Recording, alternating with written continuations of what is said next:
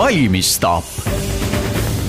tere, hea valimisstaabi kuulaja, te olete sattunud meie eelviimasesse saatesse enne valimisõhtut ja viimasesse, kus astub üles üks kandidaatidest. mina olen Delfi reporter Herman Kelomees ja minu külaliseks täna on Keskerakonna esimees Jüri Ratas, tere tulemast! tervist ja aitäh kuulamast, kutsumast! Inglise keeles on selline sõna nagu kingmaker, kas te teate, mis see tähendab? nii tean küll, jah. kas saate ise kirjeldada? no see tähendab seda, et kes teeb järgmist, järgmist kuningat ühesõnaga, seis on meil selline, et ähm, Reformierakond on juhtimas valimisi tõenäoliselt võitmas, äh, Keskerakond, EKRE võistlevad teise koha pärast, äh, see ei pruugi võib-olla isegi oluline olla, et kumb teist selles heitluses peale jääb, ähm, sest et võib tekkida situatsioon, kus Reformierakond ja teiselt poolt EKRE Isamaa tandem hakkavad nagu teie toetuse pärast võistlema, et teie reiting kahekümne viiendal oktoobril Keskerakonnal oli kolmteist koma kaks protsenti, täna konkureeriti taas peaministri koha pärast, et kuidas te selle kolme kuuga siiani jõudsite? No Keskerakond on töötanud oma platvormi osas, ma arvan, et äh, tegelikult need põhimõtted, mida Keskerakond on välja käinud, on olulised, need lähevad meie valijatele korda, see on kindlasti seotud äh, Eesti inimeste toimetuleku toetamisega, Eesti ettevõtete toimetuleku toetamisega, me näeme täna majandusnäitajad, kui eelmise aasta neljas kvartal oli majanduslangus neli koma üks ja mis on kõige suurem probleem, et öeldakse välja, et see majanduslangus on nüüd laiapõhjaline, see tähendab seda, et see hakkab jõudma tegelikult meie tööjõuturule kusagil kuue kuu pärast ja see tähendab töö, tööpuuduse kasvu teiseks kindlasti erakorraline pensionitõus, mida Keskerakond on välja öelnud, ja tervishoid. ma arvan, et meie meeskond, et ma usun, et mida valimistest valimistesse edasi me läheme, seda rohkem me näeme ka selliseid professionaalseid poliitikuid, Keskerakonna kindlasti nimekirjad on tugevad ja me oleme tänavatel olnud aktiivsed, meil pole selliseid hiidplakateid, hiid-Kaja Kallaseid või, või Eesti kahesaja plakateid, meil on palju väiksemad ja meil on ka vähem neid, aga me oleme aktiivsed olnud, nii et ma arvan, ideed meeskond, äh, nimekirjad ja, ja meie töö tänavatel.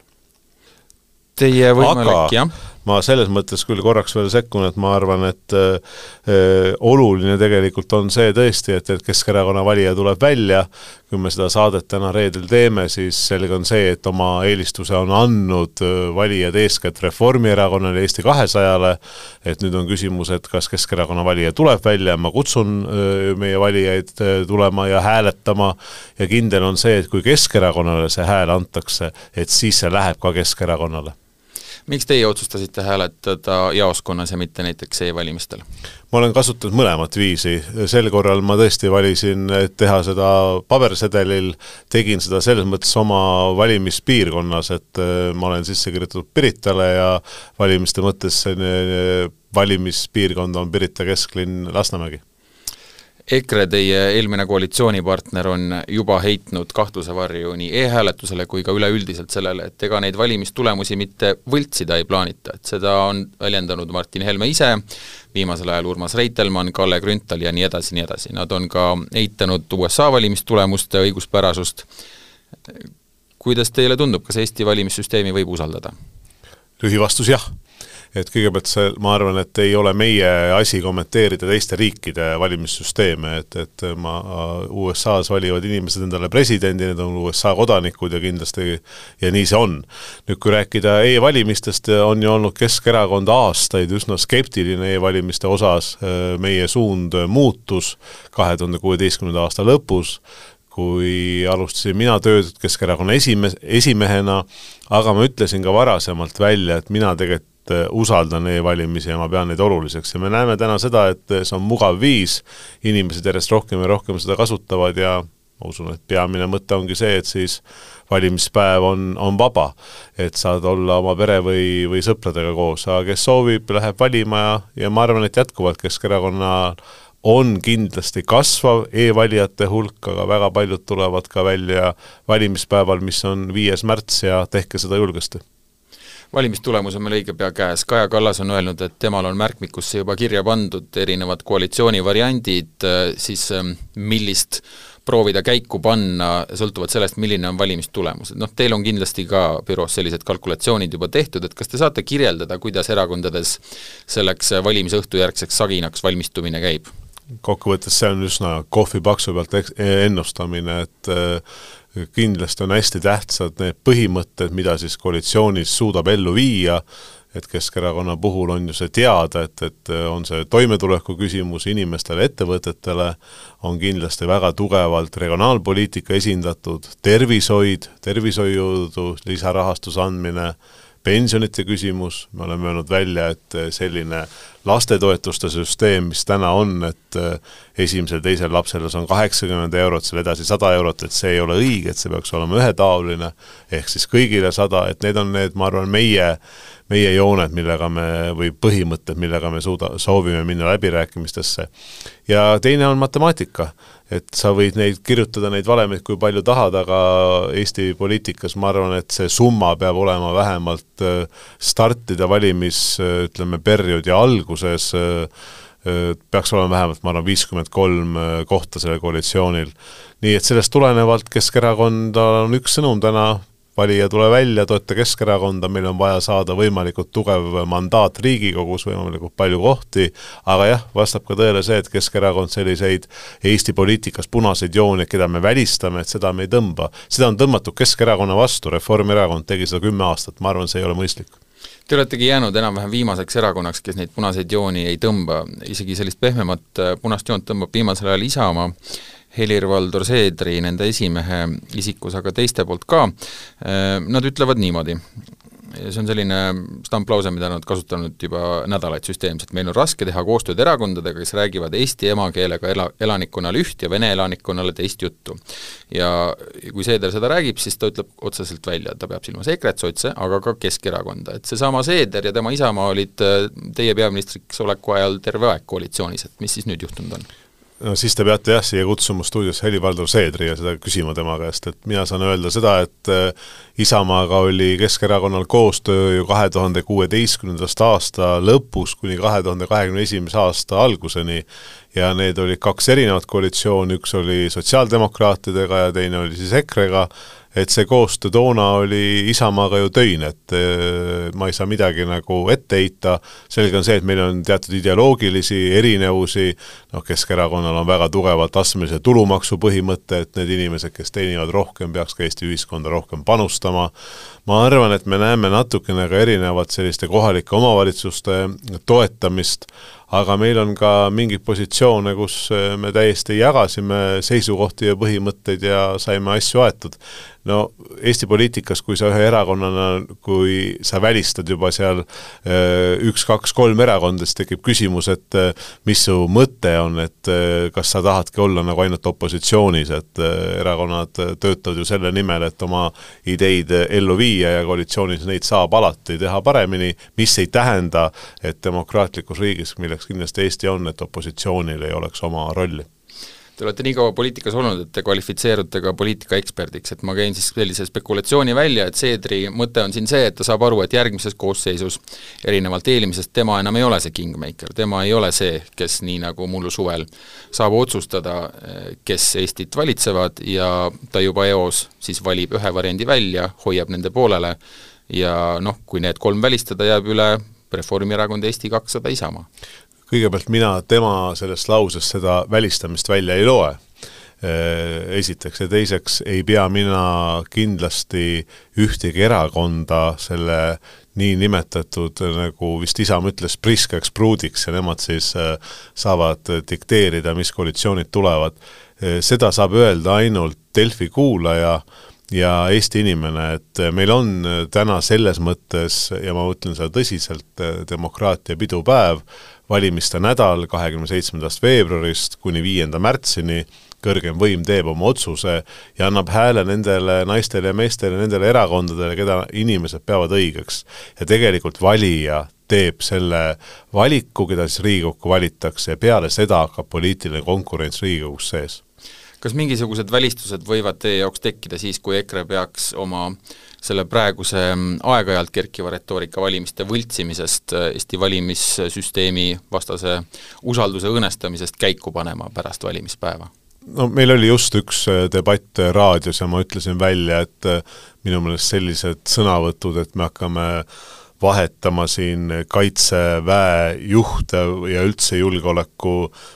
tippjuht, et noh, see on vale, see on vale aeg, see on vale ruum ja need inimesed on tegelikult töiselt ja väga hästi hakkama saanud.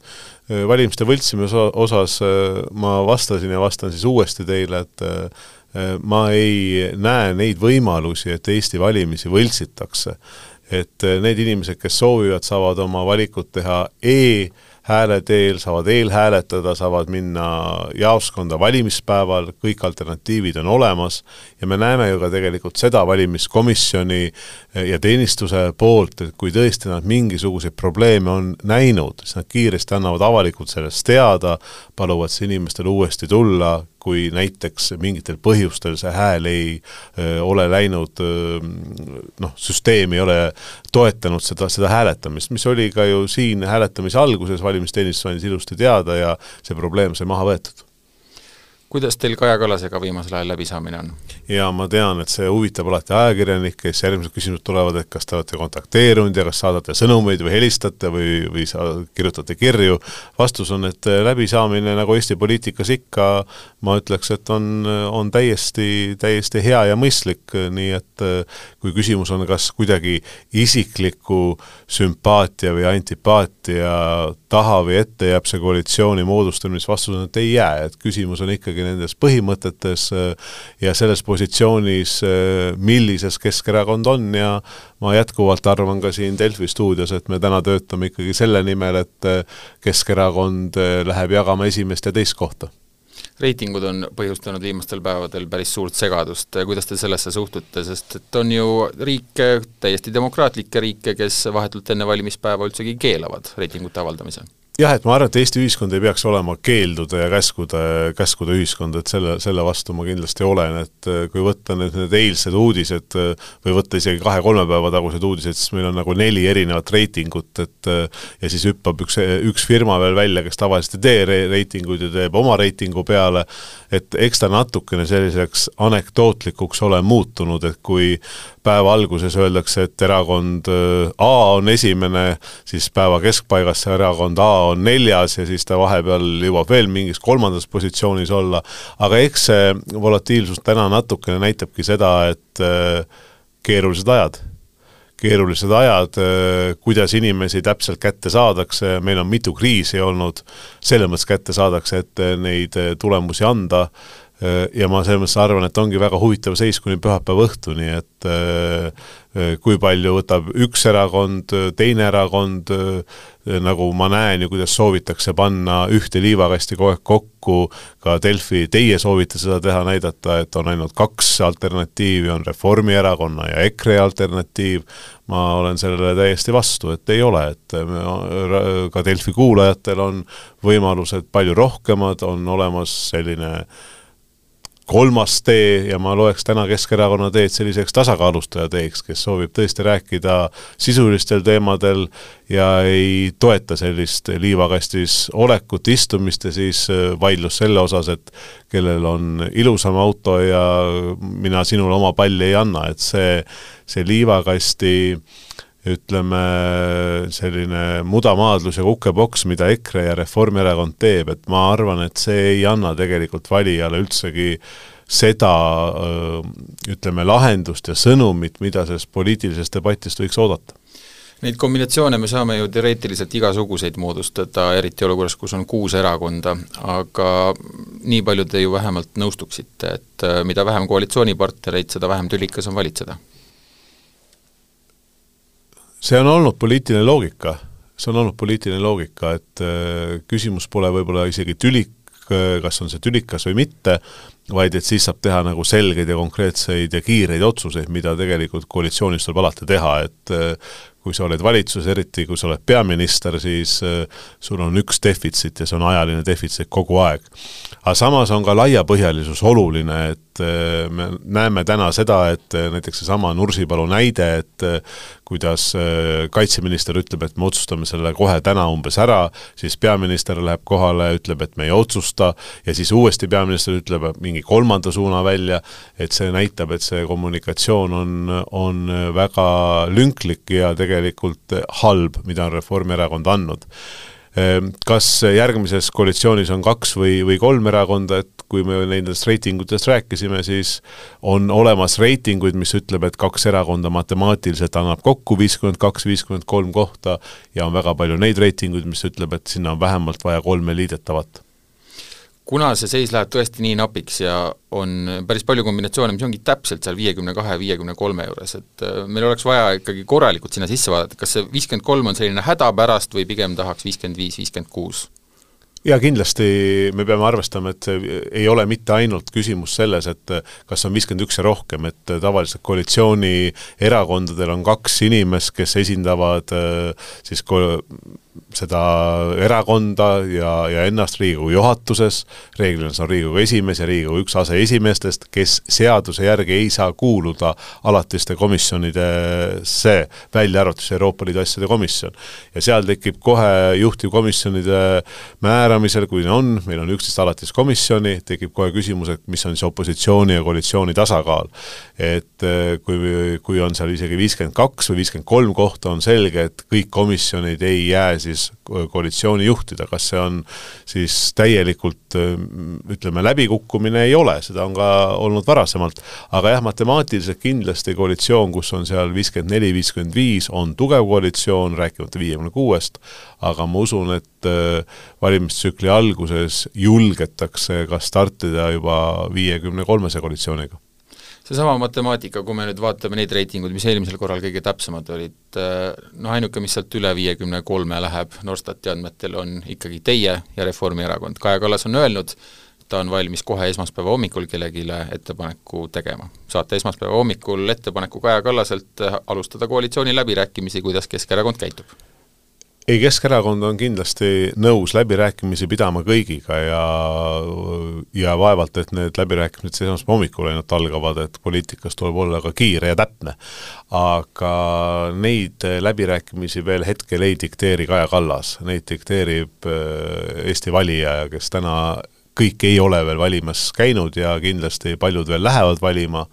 ja peale seda äh, tõesti poliitikud peavad tegutsema hakkama, aga Keskerakond selliseid punaseid jooni, et ühe või teisega me läbi ei räägi, seda me ei tee. Ja nagu ma juba eelnevalt äh, ütlesin, on meil tõesti mingid kohad, kus me soovime selgelt öelda oma positsiooni välja, äh, maksupoliitikas me soovime kindlasti öelda mis on seotud astmelise tulumaksuga, me soovime öelda selle elukalliduse juures välja, ma mõtlen korraks, me räägime sellest äh, toimetulekust väga palju ja minu meelest see on tegelikult nende valimiste põhiteema, sest julgeolekupoliitikas on suurepärane, et erakonnad on tegelikult ühel positsioonil. aga kui me mõtleme, kuidas on valitsused juhtinud koroonaviiruse ajal ja kriisis ja täna juhitakse, siis need juhtimismustrid on erinevad. et Eesti on langenud äh, majanduse mõttes äh, ainukeseks eelmisel aastal, kus majandus kahanes, ja neljas kvartal oli ta juba üle nelja protsendi ja kui me võtame siis kaks tuhat kakskümmend, mis oli koroonaviiruse aeg, siis ka meie majandus äh, kahanes seal miinus null koma kuus protsenti, aga see, me tulime välja kuskil teise-kolmanda riigina Euroopa Liidus tugevuse mõttes ja Euroopa Liidu keskmine oli toona miinus viis koma seitse protsenti. Seesama maksupoliitika ähm,, on läinud lendu selline uudis, et Reformierakonnal on nende valimiste kõige kallim valimislubadus, et eh, teie tegite Keskerakonnas sellise osava triki, te lubasite tõsta tulumaksuvaba miinimumi seitsmesaja kahekümne viie euroni, maksuküüru kaotamisest otsesõnu juttu ei olnud, siis kuulutati see Reformierakonna lubadus kõige kallimaks, siis paneb Delfi välja oma parteide palgakalkulaatori, tuleb Keskerakonna büroost täpsustus, et me ikkagi kaotaksime ka selle küüru ära ja sellisel juhul on ju teie valimislubadus kõige kallim, et saime me teie büroost õige info? ei, ei ole meie valimislubadus kõige kallim, sellepärast et Keskerakonna teine pool maksusüsteemist on ju astmeline tulumaks ja see toob riigieelarvesse raha tagasi, et need inimesed, kes teenivad täna kaks või rohkem keskmist palka Keskerakonna põhimõtte järgi, peaksid hakkama maksma siis kolmkümmend protsenti alates sellest teisest keskmisest palgast ja üle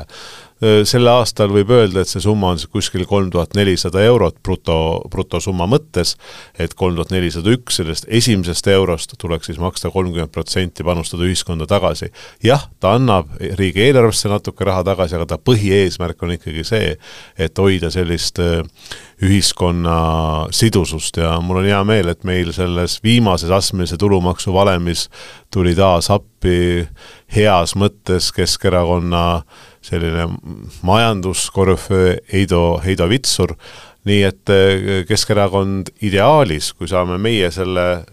maksu, uue maksusüsteemi lauale panna, näeb tõesti seda, et on siis tulumaksuvaba miinimum, mis on võrdne miinimumpalgaga, seitsesada kakskümmend viis eurot, sealt edasi on kahekümne protsendiline astmeline tulumaks kuni kahe keskmise palgani ja sealt edasi on tulumaks kolmkümmend protsenti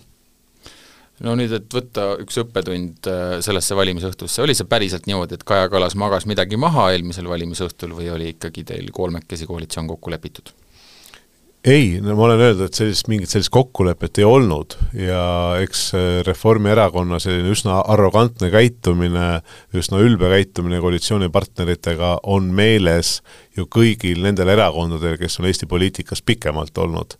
Äh, nii et äh, Reformierakond ju tegi seda sarna, sama, kui ta Keskerakonna valitsust välja lükkas seitse-kaheksa kuud tagasi, et äh, et ma arvan, et need niisugused reetmised ei, ei ole nagu poliitikas sellist usaldust kindlasti ei kasvata Te olete öelnud, et äh, kui te esikahe sisse ei tule, Keskerakond, siis on esimees valmis võtma vastutuse, mida see täpselt tähendab? esimees on alati valmis võtma ja peabki võtma vastutust, et ma olen võrrelnud seda nagu spordiga, et kui spordis võide, võidetakse, siis võidab võistkond, kui kaotatakse, kaotab treener, äh, ja nii see on, et Keskerakonna esimehena ma alati vastutan äh, selle eest, kuidas Keskerakonnal läheb. ja ma mõistan eriti siin Delfi stuudios, ma vastutan väga teravalt, sest siin otsitakse mõnikord seda, seda nõela sealt heinakuhjast ikka väga pingsalt. kui Kaja Kallas saab peaministriks ja Keskerakond läheb koos nendega valitsusse, kas lähete ka teie ministriks? Kui selline teoreetiline küsimus nüüd püsti pandi, ei ole minul mingit probleemi valitsusse minna. et küsimus ei ole selles, et eh, mis portfelli järgi sinna üks, teine või kolmas Keskerakonna liige läheb. et A, kui me alustame ja meil on võimalus alustada valitsuse moodustamist või valitsuse läbirääkimisi, siis me läheme ikkagi oma platvormiga, mille osas me oleme valijatelt küsinud eh, mandaati kui eh, koalitsiooniläbirääkimised on edukad ja sellele pannakse punkt, siis tuleb portfellide ehk ametikohtade jagamine. Ja ei, mina küll mingisugust punast joont ei tõmba, et, et kas ma pean olema Riigikogus või valitsuses, mõlemad tööd on olulised ja ma olen mõlemaks tööks valmis. No kena, suur tänu, Jüri Ratas, see oli meie viimane kandidaadiga valimistaabe hom-, homses viimases valimisõhtu eelses valimistaabis astuvad üles Delfi ja Eesti Päevalehe peatoimetaja Urmo Soonvald, ajakirjanikud Krister Paris ja Urmas Jaagant. Delfi valimisõhtut saate jälgida meie otsesaates, mis algab pühapäeval kell üheksateist nelikümmend viis, kõik meie saated on kuulatavad Delfi taskus, Spotify's ja Apple Podcasts keskkonnas. kohtumiseni!